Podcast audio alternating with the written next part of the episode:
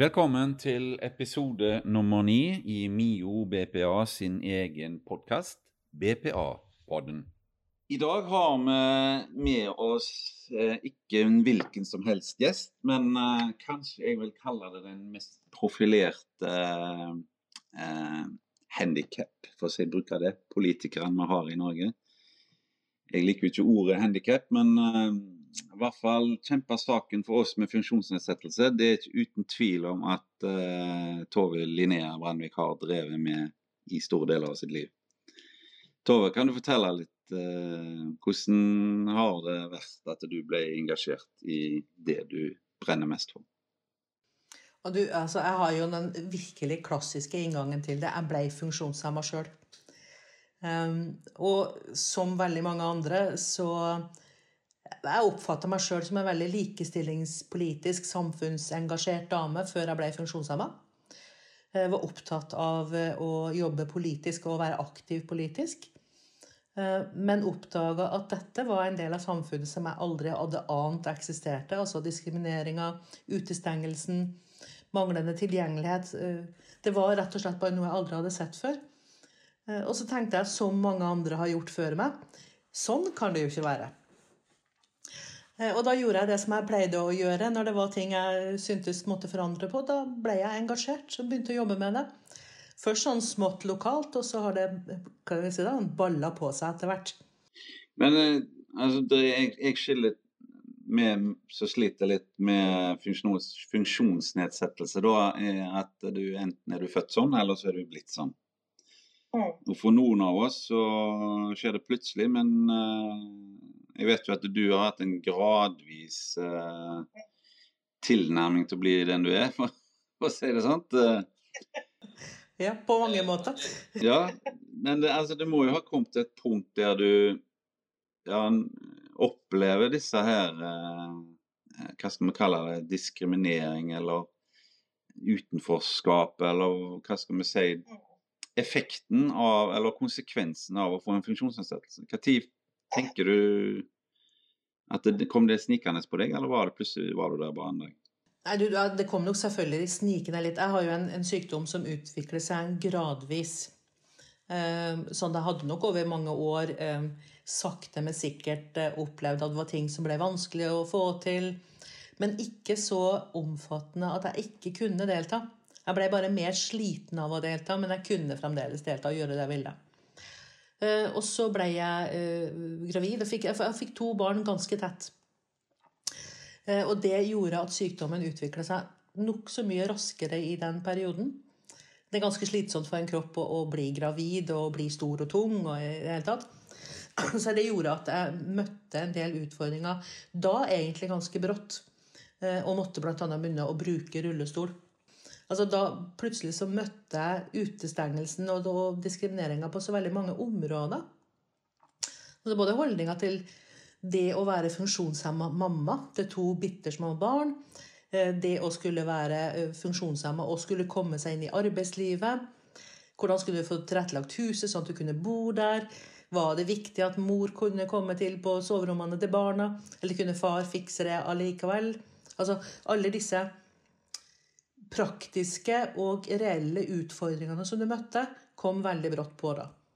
Så sånn sett, så selv om det gikk gradvis, så, så kom det ganske brått allikevel. altså. Ja, for Én ting er jo det å ordne opp for seg sjøl privat, eh, men en annen ting er å jobbe for eh, alle andre i samme situasjon. Mm. Eh, hvordan føler du det har utvikla deg som person, med at du har den bakgrunnen du har privat? Du, jeg tenker at det har gitt meg en veldig stor styrke, både, i, både som privatperson, altså som individet Tove, men òg i rollene og, og, det arbeidet jeg har gjort. Um, det å klare å løfte blikket utover hva som er, hva som er relevant for meg. Um, jeg er jo en av de som har kommet i jobb, som har vært mamma, som har fått BPA, fikk det tidlig. Uh, har kunnet gjort veldig mange av de tingene som de fleste tar som en selvfølge, men som noen stenges ut ifra. Men det da å si, fortsette å jobbe for at dette kan ikke være noe som skal være pga. flaks eller tilfeldigheter. Det må jo være systemet som gjør at dette er mulig. Og jeg tror at mye av årsaken til at jeg jobber med det, er at jeg har en tro på system. Altså dette med avtalte spilleregler. altså Lovene våre er jo bare avtalene vi har oss imellom for hva som skal være riktig og galt i Norge. Og jeg tenker Hvis det er de spillereglene som er avtalt, som ikke fungerer, ja, så går det an å avtale nye, da. Det går an å forandre på det som ikke fungerer.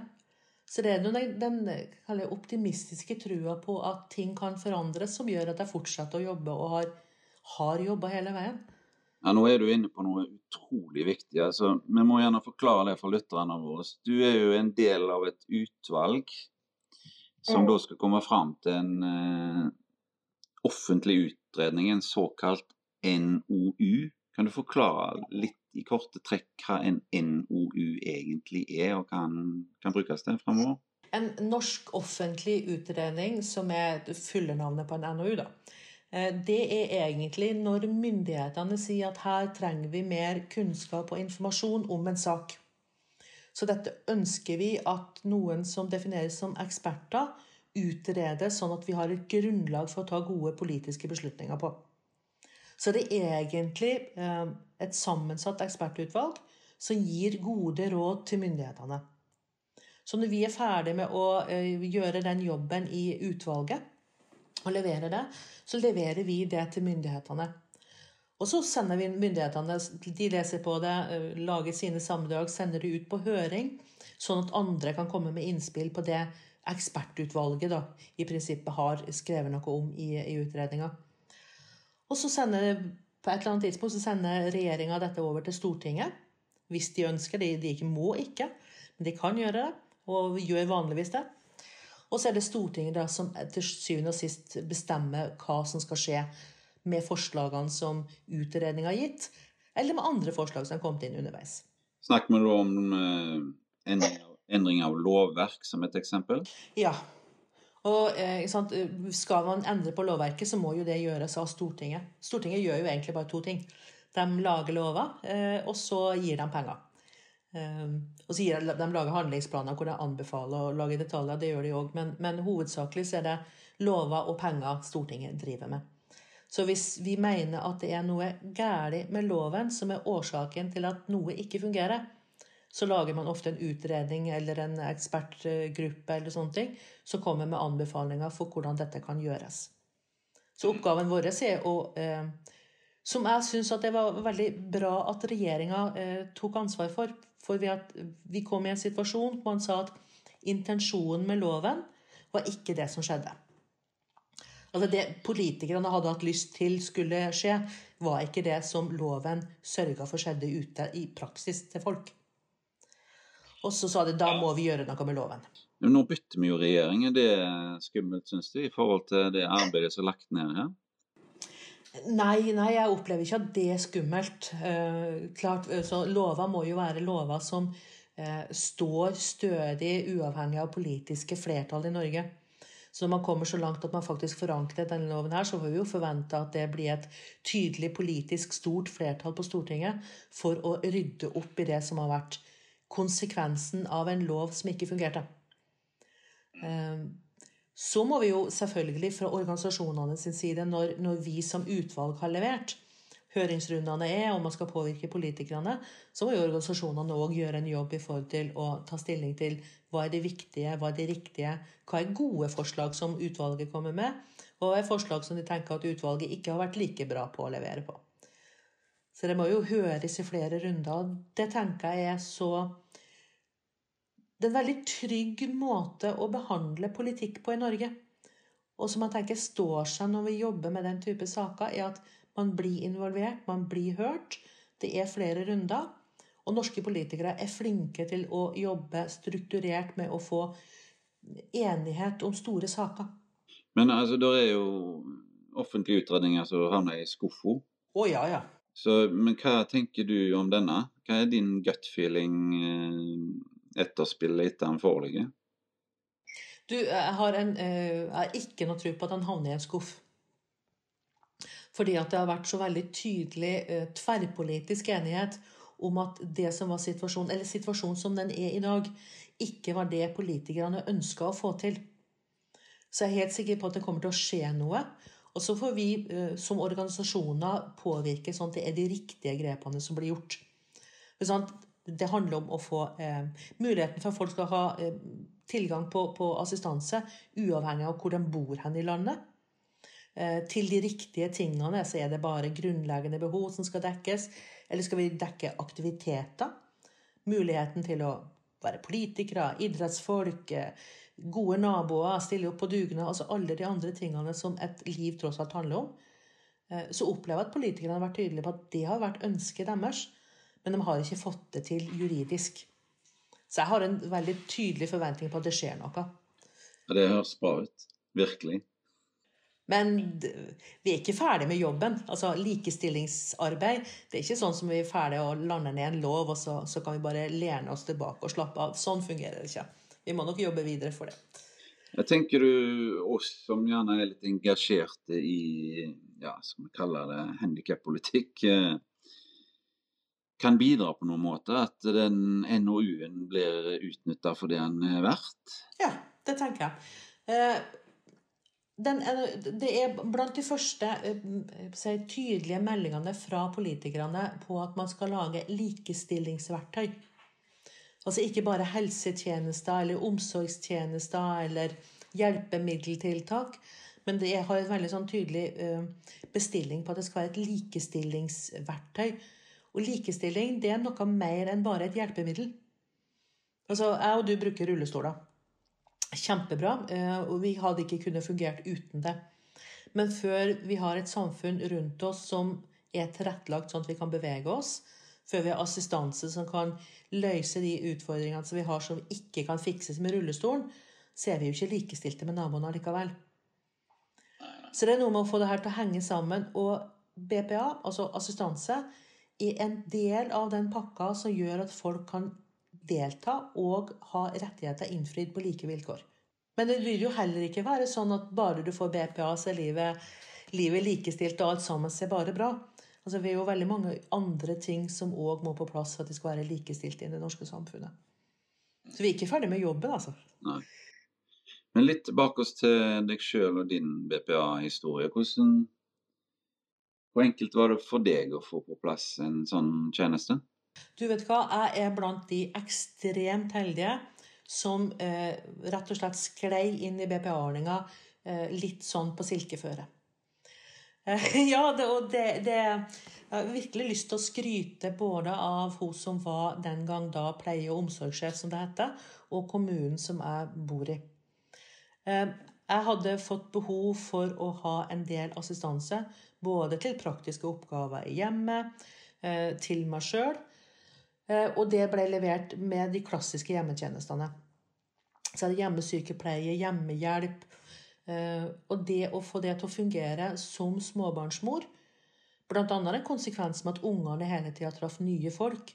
Plutselig så står det en dame du aldri har sett før på kjøkkenet ditt og skal hjelpe deg med frokosten. Det er sånn for treåringen så var det litt overveldende, for å si det pent. Og, de kommer jo ofte innom.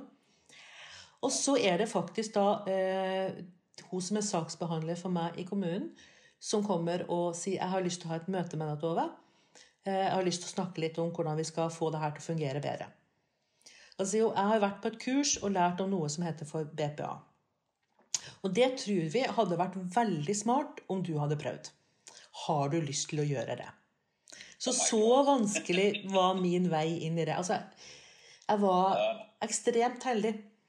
Hvor mange år siden er dette? Jeg var i 96, så det var jo før det var et lovverk. Sant? Det var mens de holdt på å teste det ut. Så valgte de å være tøffe nok til å prøve. Og jeg, på alle mulige måter ser meg tilbake, så tenker jeg hadde man ikke gjort det, så hadde ikke jeg vært der jeg er i dag. Det er jeg helt sikker på. Hadde ikke kunnet vært mamma på samme måten, hadde ikke kunnet vært i arbeidslivet, hadde ikke kunnet vært i organisasjonslivet. Hadde ikke kunnet vært Tove med, med store bokstaver når jeg driver med alt mulig annet morsomt eller krevende. Så det, det, er noe med at det har på mange måter forma livet mitt at jeg fikk den muligheten. Ja, nei, Det er jo en uh, solskinnshistorie, egentlig, den begynnelsen du hadde med BPA. fordi jeg, I min jobb så møter jeg jo det motsatte. Det er jo helst eh, sterk motstand, eh, og gjerne noe som henger veldig høyt eh, i en kommuneadministrasjon for å innvilge. Og det har, det, har vært, det har, vært, mye av motivasjonen min for å jobbe mye med BPA opp gjennom årene, er at eh, når du står der i en situasjon som er uoversiktlig, og det var det Alt var nytt, alt var uoversiktlig. Bare det å bli tobarnsmor var ganske uoversiktlig. Det, det vet alle som har fått barn, at det kommer litt brått på alle oppgavene som kommer. Eh, men det offentlige kom til meg og fortalte om noe som jeg hadde behov for informasjon om. Det var ikke jeg som hadde funnet det. Og det er deres rolle å ha oversikt over hva som er mulig, og hvilke typer verktøy som fins. Og bruke de på best mulig måte til de folkene som har behov for hjelp i en eller annen form. Jeg har så lyst til at det det som skal være historien i Norge. Mm. At du ikke trenger å ha oversikten over alt alene. At du ikke er nødt til å ha en krig mot noen for å få tak i ting som du har rett på. Jeg har så lyst til at det skal være det offentlige skal være min gode partner. Som hjelper ja. meg til å bli et så bra menneske og få så mange muligheter som det jeg har mulighet til å kunne oppnå. Det er jo det som er drømmen min. Så jeg vil at uh, alle de som trenger assistanse, skal kunne få den beskjeden fra kommunen om at du, det fins en annen måte å løse hverdagen din på som vi tror kunne ha vært bedre. Har du lyst til å prøve?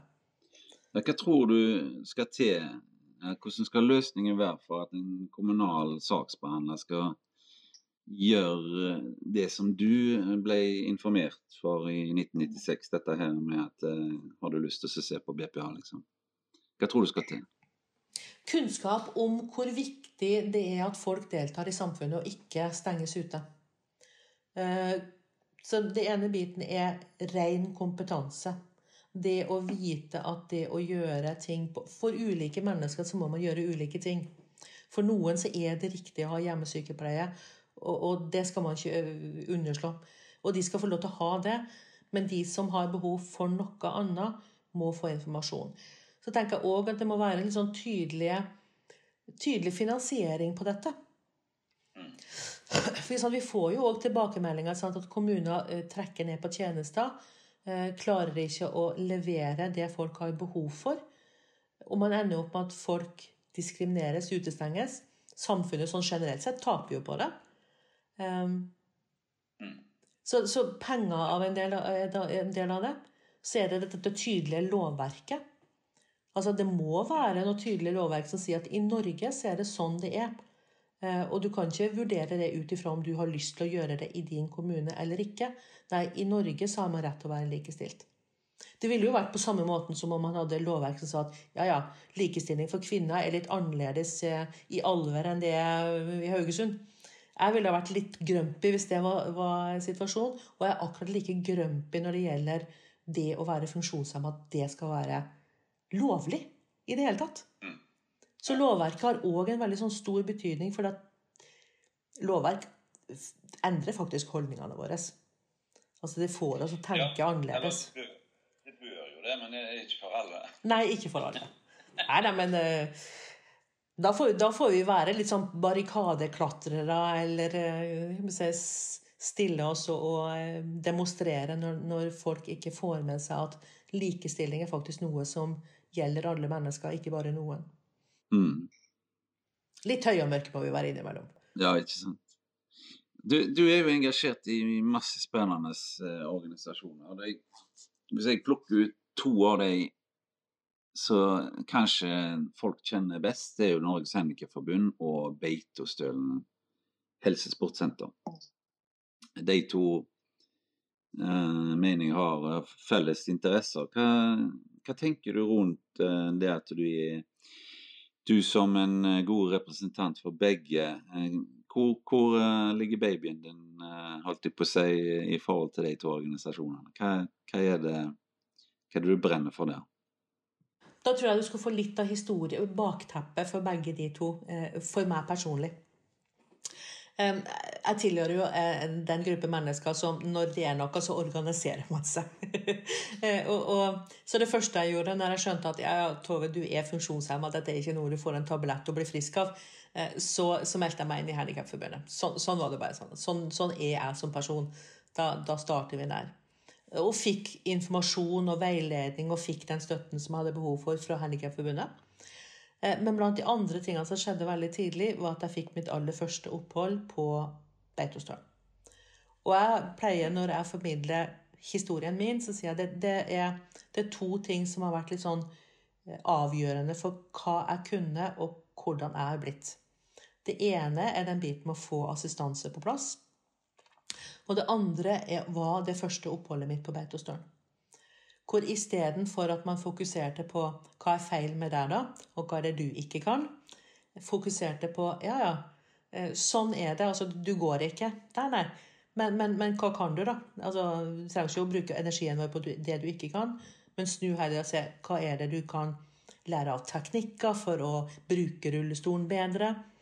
Hvordan kan du rasjonalisere kreftene dine i løpet av dagen, sånn at du faktisk kan gjøre det som er viktig. Eh, og det miljøet og den kompetansen som jeg møtte der oppe, gjorde at jeg fikk, jeg fikk kontroll over mitt liv. Og jeg fikk kontroll over hjelpemidlene og hva de kunne bidra med. Ble kjent med mennesker som kunne være rollemodeller Eh, som viste at jo, jo, du kunne jo være i jobb, og du kunne jo delta i familielivet, være aktiv, være på tur.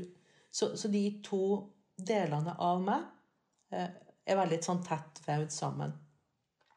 Så jeg har jo vært eh, på mange måter både brukt Beitostølen som rehabiliteringsinstitusjon og vært engasjert opp mot Beitostølen både i forbindelse med venneforeninger og politisk sett eh, i alle år etterpå. Så da jeg fikk muligheten til å få lov til å være styreleder, så var det sånn selvfølgelig gjør jeg det. Her kan jeg bidra med min kompetanse inn til et område som jeg tror er veldig viktig for veldig mange mennesker. For det var liksom bakteppet. Men det var altså, jeg kom jo på Beitostølen og hadde med meg rullestolen, parkerte den bortest i en krok og prøvde etter beste evne å gå. Eh, og de klarte å få meg modna til at det var kanskje ikke så dumt å bruke rullestolen F.eks. tur-retur spisesal, sånn at jeg hadde overskudd til å trene etterpå. Istedenfor å gå tur-retur, og så hadde du ikke overskudd til det du skulle gjøre der oppe. Men, men, de klarte å gjøre det til noe som ble trygt for meg som person. Altså min identitet ble ikke undergravd av noe som jeg opplevde som vanskelig. Veldig mange syns jo at det å begynne å bruke rullestol er krevende. Både i forhold til identiteten, hvordan ser folk på det. Men jeg fikk den boosten som var nødvendig til å bli trygg på meg sjøl i den nye identiteten som jeg opplevde jeg hadde fått. Ja, det er jo i de små detaljene du egentlig finner den styrken til slutt. At du Ja, hverdagen blir nesten liksom som var før. I hvert fall sånt var det litt, litt i mitt tilfelle. Bare det å rette seg opp i ryggen og møte folk eh, øye til øye. En teknikk jeg lærte meg når jeg skulle på shoppingsenter. Altså, folk ser ikke ned på deg hvis du møter blikket. Nei, de gjør ikke det. Mm.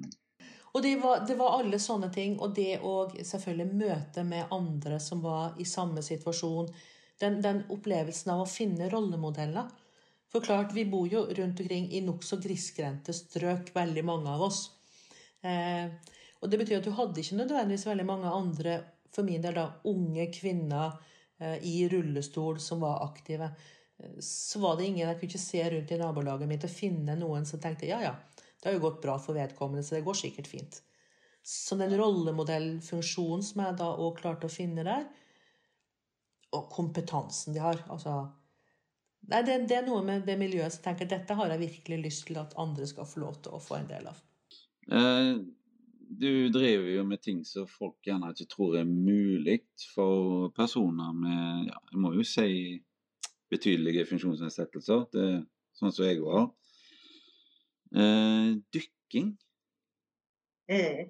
Men du sier, har utnevnt deg sjøl til champagnedykker. Altså, hva er det? Altså, du skal vel ikke dykke når du drikker champagne, eller skal heller ikke dykke i champagne. Hva, hva er greia der? Jeg drikker verken med champagne eller i champagne. Du, det var egentlig litt sånn fleipete måte å si altså, Jeg har jo, som du sier, jeg har jo ganske omfattende funksjonsnedsettelser. Både manglende evne til å gå og ganske redusert kapasitet på, på armer. Eh, og dykking blir jo ofte opplevd som litt sånn macho og litt sånn Du må være litt sånn sterk for å holde på med tunge flasker. Ja. Eh, så når folk Folk blir litt overraska når jeg sier at for det første jeg har dykka lenge, jeg har dykka mye, og jeg er habildykker og har bra sertifikat på det. Så blir folk litt sånn forfjamsa. Og Derfor så har jeg begynt å bruke dette uttrykket champagnedykker. Men jeg klarer ikke å dykke f.eks. i Norge, for da må jeg bruke tørrdrakt. Tørrdrakt hindrer mine bevegelser. Eh, og Det betyr egentlig at når jeg skal dykke, så må det være ganske varmt i vannet for at jeg skal kunne gjøre det, for jeg er nødt til å bruke en, en, en vanlig våtdrakt. Um, og skal jeg kunne være lenge nede uten å bli så kald at jeg stivner, så kan det heller ikke være for kaldt i vannet.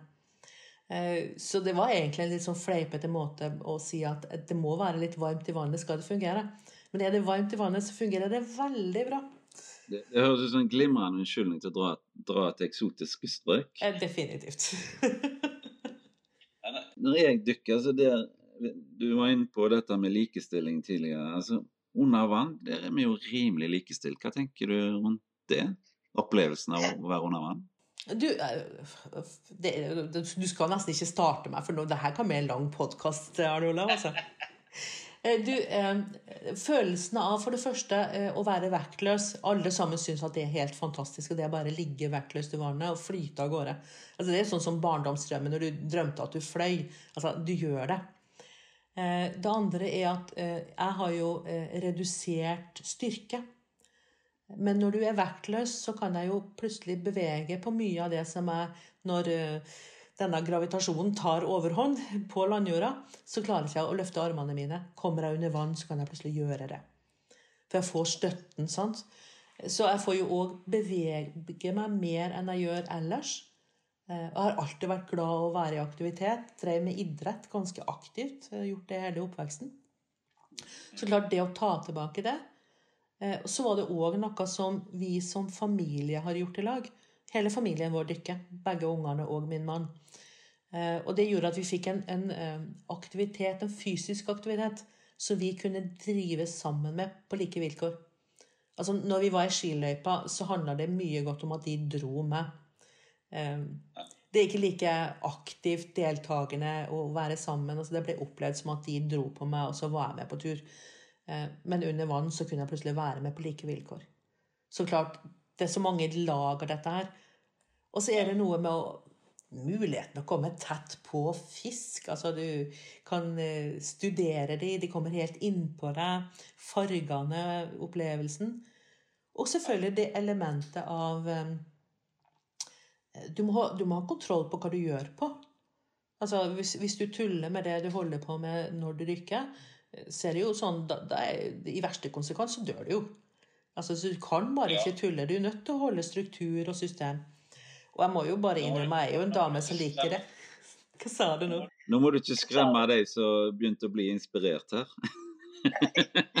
Nei, men altså, det, det, er jo noe med at har du ikke luft, eh, så, så, er det ganske kjipt. Rett og slett. Men det er noe med at du må, du må både følge spillereglene, og du er nødt til å ta ansvar for hva som kan være risiko. Du er nødt til å planlegge litt. Rann. Akkurat den type ting eh, trigger jo meg litt. Jeg syns jo det er gøy. Og så utfordrer jeg meg sjøl. Altså, jeg liker jo å bli utfordra. Jeg bør jo Altså Min store svakhet er hvis folk sier til meg at ja, men det kan du ikke, Tove. Da blir jeg altså sånn usedvanlig barnslig. Jo, det kan jeg. altså, du, du, du, liker faktisk eh, å, å, komme deg litt ut av komfortsonen, du? da? Er det, er det det du mener? Ja, jeg gjør det, altså. Ja, det er noe med den følelsen av å mestre noe og ha oppnådd noe. Og det adrenalinkicket du får ved det, det syns jeg er ganske greit. Jeg ser jo de begynte å sende skuespillere ut i rommet nå. Da må de må jo sende noen med funksjonsnedsettelser først, tenker jeg. Det hadde vært fint. Hva tenker du om, det, om sånt? Du, de hadde jo for aller første gang nå i år, så er det jo da utløst muligheten for å bli paraastronaut. Fikk du med deg det? Ja, ja. Det er ikke tull engang. Eh, og vi fra Handikapforbundet har faktisk vært med og snakke snakka om at det er et viktig skritt i riktig retning. Eh, sånn at man vurderer folk i forhold til kompetansen og ikke i forhold til holdninger. Men eh, det er faktisk utvelgelse, forhåpentligvis. Den første paraastronauten skjer i år. Såpass? Ja, det, det er fantastisk. Det er det. Nei, vi, vi kom til veis ende med Tove Line. Jeg vil eh, takke deg veldig for at du eh, stilte opp. Og så følger vi jo veldig med på denne utredningen som du er en viktig del av. Eh, det tror jeg er fantastisk viktig for alle som har en funksjonsnedsettelse og er opptatt av BPA, at vi får på plass nye løsninger for oss der.